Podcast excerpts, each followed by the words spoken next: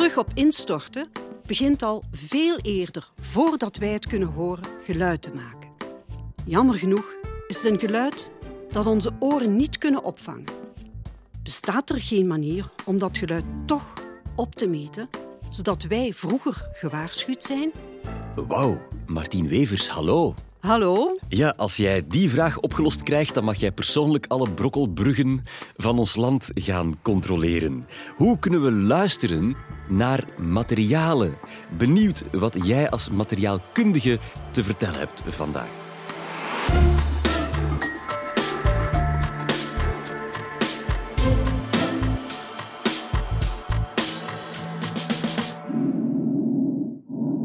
Controleren of jouw longen nog in orde en gezond zijn, luistert een dokter ernaar met een stethoscoop.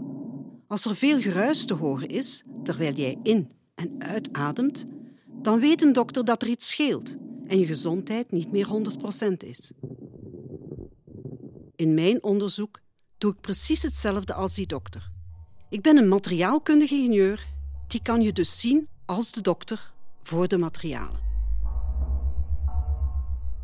Ik ga luisteren met een taster naar de geluidsgolven die een materiaal produceert wanneer het belast wordt. Doorheen de jaren werken op een materiaal namelijk veel krachten en worden ze ook blootgesteld aan agressieve omgevingen. Het materiaal gaat daardoor degraderen.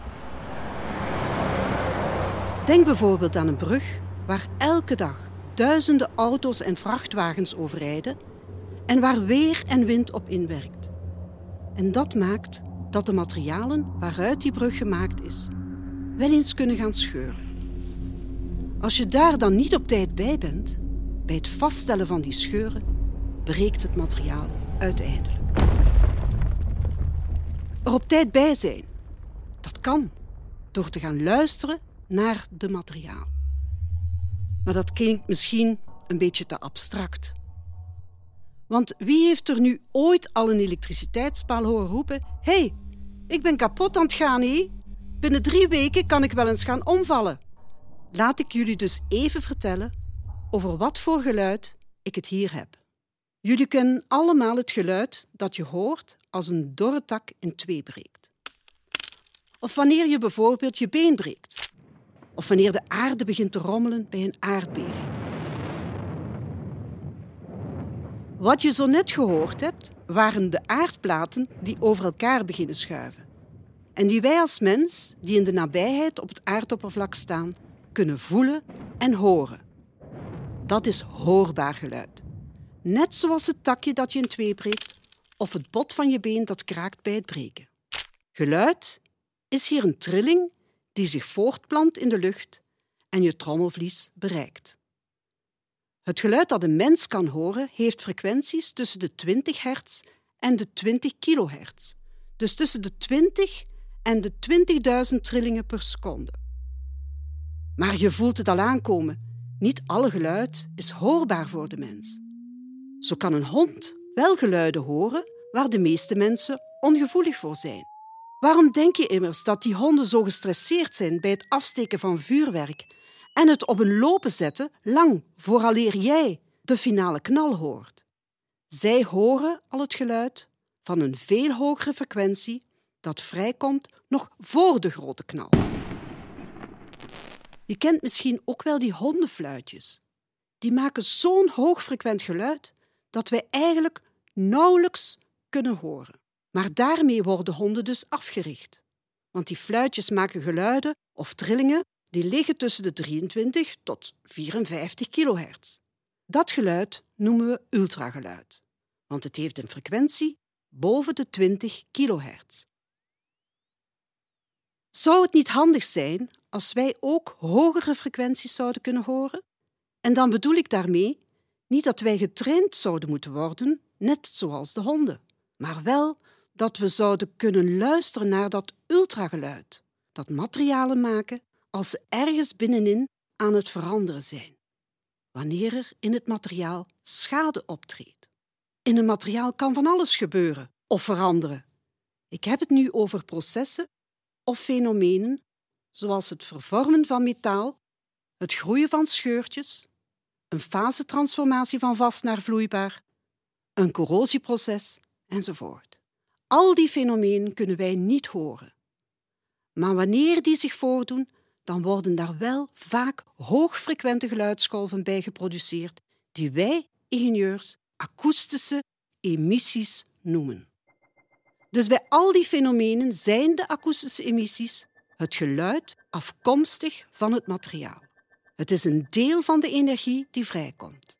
En meer bepaald de energie die vrijkomt onder de vorm van elastische golven of geluidstrillingen op hoge frequenties. Laat me even de analogie met de aardbeving gebruiken om dit te duiden. Door de beweging van de aardplaten, platentectoniek genoemd, wordt spanning opgebouwd in de aardkorst. Als de spanning hoog genoeg is, kan er een schokkende beweging van het materiaal aan weerszijden van de breuk in de aardkorst optreden. De aardbeving. Hierbij wordt een deel van de opgebouwde spanning ontladen en kan je niet alleen het gegrom horen, maar ook de aardbewegingen voelen. Ook op kleine schaal maken materialen dit soort geluiden. Bijvoorbeeld als een scheurtje ontstaat binnenin het materiaal. Niet zo'n gek idee hoor, dat luisteren naar materialen. Want je hoort toch ook het kraken van de treden als je de trap van een heel oud huis oploopt? En je hoort toch ook wanneer het water van je pasta begint te koken. En denk eens aan de zeer oude tinnen schotels op de schouw bij je grootouders. Als die vrij gegoten tinnen schotels een beetje zouden geplooid worden dicht bij je oor, zou je een knetterend geluid horen, afkomstig van het tin. Men spreekt hier ook over het schreeuwen van het tin. En wat gebeurt er nu eigenlijk in het tin? Wel, terwijl het metaal geplooid wordt, gaan er in dat metaal door het plooien massaal atomen verplaatsen op hetzelfde moment en in dezelfde richting zodat de vervorming tot stand kan komen. Dus hierbij komt nu een hoeveelheid energie vrij onder de vorm van elastische golven, het hoorbaar knetterend geluid. Zoals bij een aardbeving, maar dan nu op microschaal. Het allerbelangrijkste is dus een techniek te hebben die naar het hoogfrequent lawaai van een materiaal kan luisteren, wanneer er veranderingen in dat materiaal optreden. Met de akoestische emissietechniek kunnen wij ingenieurs fenomenen opvolgen en analyseren, om daarna uitspraken te kunnen doen over de gezondheid van een materiaal of van een structuur die uit dat materiaal gemaakt is. We kunnen opmeten wat, wanneer en waar er iets gebeurt. Dit kunnen we doen met tasters die kleine elastische golven opmeten die ontstaan bij de veranderingen in het materiaal. Ik vertelde net dat als er iets verandert binnenin een materiaal, dan ontstaan er elastische golven en dan krijgen we kleine, minuscule verplaatsingen aan het oppervlak. Een taster gaat die elastische golven dan omzetten in elektrische signalen.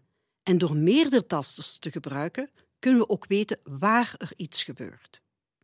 Met zo'n taster kunnen we vandaag luisteren naar scheurtjes die ontstaan in een materiaal doordat er wisselende belastingen opkomen. Denk aan die brug. We kunnen ook luisteren naar corrosieprocessen, die voorkomen wanneer een agressieve omgeving inwerkt op een metaal. Denk bijvoorbeeld aan een roestvast stalen vat in de chemische industrie hier in Antwerpen bij BASF. En daar kunnen eventueel putjes in gevormd worden door de inwerking van het brakwater van de Schelde met wat ijzerchloride en bij 45 graden Celsius. We kunnen ook luisteren naar het ijs dat smelt in de kerosenetank van een vliegtuig of naar chocolade die uitkristalliseert. En akoestische emissie kan ook gebruikt worden om in de procesindustrie bijvoorbeeld de tijd tot het bekomen van een homogeen mengsel, wanneer je twee verschillende zandsoorten met elkaar aan het mengen bent, beter in te schatten dus een mengsel te krijgen waarin die verschillende zandsoorten gelijkmatig verdeeld zijn. Als we luisteren naar het proces, hoeven we het mengen niet nodeloos lang te laten doorlopen. Je kan dus ook kosten gaan besparen daardoor. Als we nu kijken naar dat hoogfrequente geluid, dan zijn er twee soorten signalen die opgevangen worden. Er is continue akoestische emissie en burst akoestische emissie. Bij continue akoestische emissie volgen de vrijgekomen elastische golfjes elkaar zo snel op dat ze een groot signaal vormen in de tijd. Om een voorbeeld te geven, denk ik hier aan de continue akoestische emissie die optreedt wanneer gewoon koolstofstaal begint te roesten. Een stalen balk bijvoorbeeld die buiten ligt. Dit is algemene corrosie en dus een proces dat over het hele metaaloppervlak optreedt. De taster zal tijdens het corrosieproces een soort ruissignaal opmeten. En hoe groter die ruis, hoe intenser het corrosieproces. Bij burst akoestische emissie is de akoestische emissie als een puls, waarvan je de signaalsterkte, de energieinhoud, de frequentie, de duurtijd kan gaan opmeten. Burstemissie komt bijvoorbeeld voor wanneer in een materiaal een scheur plots in lengte toeneemt. Daardoor ontstaat er plots een elastische golf, want er komt een hoeveelheid elastische energie vrij wanneer de scheur verder groeit. En de taster kan deze burst-akoestische emissie meten, zoals een aardbeving ook met een seismograaf opgemeten kan worden. Vandaag de dag worden al verschillende belastingdragende structuren opgevolgd met de akoestische emissietechniek. De meeste materialen worden bij een check-up nog eens expres belast om te kijken of alles nog goed zit. Dus op zo'n controlemoment gaan ze het materiaal belasten tot iets boven de gewone, normale belasting die het materiaal dag in dag uit meemaakt. Bruggen bijvoorbeeld, weer al die brug, die moeten alle kilo's van auto's en vrachtwagens kunnen dragen. Maar tijdens die check-up gaan we nog een beetje boven die normale draagkracht van de brug, terwijl we naar het materiaal luisteren. En als er iets van schade binnen in het materiaal optreedt tijdens deze test, tijdens deze proefbelasting, zo noemen wij het, dan zal er akoestische emissie gemeten worden.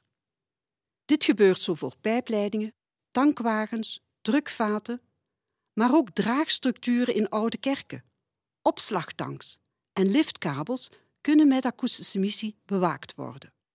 We moeten toch ook een bedenking maken, want pas op, niet elk materiaal maakt evenveel geluid als het andere. Dat merk je zelf wel op wanneer je een houten twijg breekt, in droge of natte toestand. Ook een brosmetaal geeft bij scheurgroei een sterker hoogfrequent geluid dan een sterk vervormbaar metaal. Het bewaken van structuren met de akoestische emissietechniek of het gebruik ervan bij proefbelasten draagt enorm bij tot de veiligheid van onze leefwereld. Want bij het vaststellen van de schade gaat men ingrijpen en herstellingen doorvoeren. Akoestische emissiemonitoring tijdens onderhoudsbeurten betekent voor de industrie ook kosten besparen, want men kan op deze manier een plots uitval of een catastrofe vermijden. Akoestische emissie draagt bij tot de veiligheid en, wat ook leuk is, het wordt steeds meer toegepast in andere ingenieursdisciplines. Niet enkel materiaalkundigen zijn er fan van, maar ook de collega's in de bouw of in de chemische procesindustrie. De akoestische emissietechniek. Hoe, hoe wijd verspreid is dat vandaag? Hoe, hoe wijd verspreid wordt er naar bruggen en, en oude kerken en materialen geluisterd? Gebeurt dat systematisch of uh, wordt dat erbij gehaald als er een, een probleem vermoed wordt? Nee, de dag van vandaag is het eigenlijk al een controletechniek die door bepaalde controleorganismen worden uh, aanbevolen.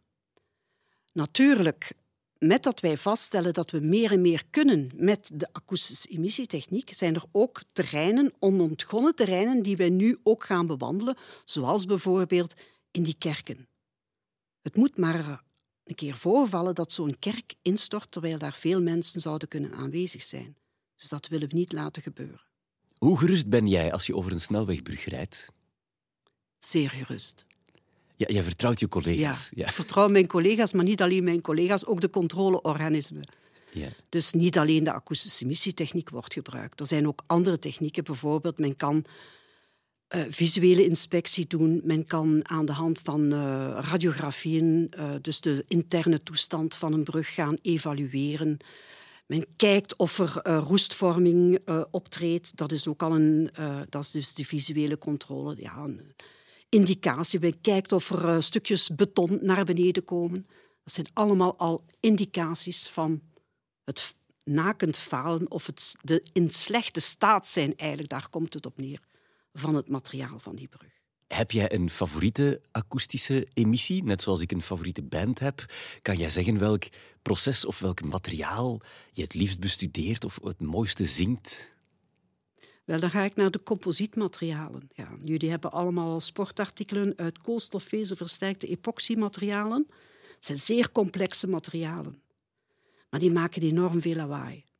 Als ze belast worden en er komt beschadiging in dat materiaal, een vezeltje dat breekt, een delaminatie die groeit, de matrix, dus de epoxy die scheurt, allemaal kleine, kleine geluidjes, hoogfrequente geluiden dan, die wij kunnen analyseren om te weten, is dat nu een vezel die breekt, een matrix die scheurt of een delaminatie die groeit.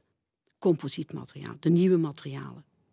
Daar is weer een wereld voor ons opengegaan. Dank je wel daarvoor, Martien Wevers, voor dit interessante college.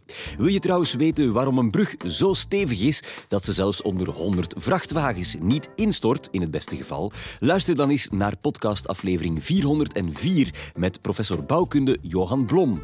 In podcastaflevering 176 gaat Didier Snoek dan weer dieper in op de oplossing voor scheurtjes in bruggen en tunnels. Hij maakt beton dat zichzelf kan herstellen. En zo kan jij je weer helemaal veilig voelen als je de volgende keer door een tunnel of over een brug rijdt. Heel graag tot een volgende keer.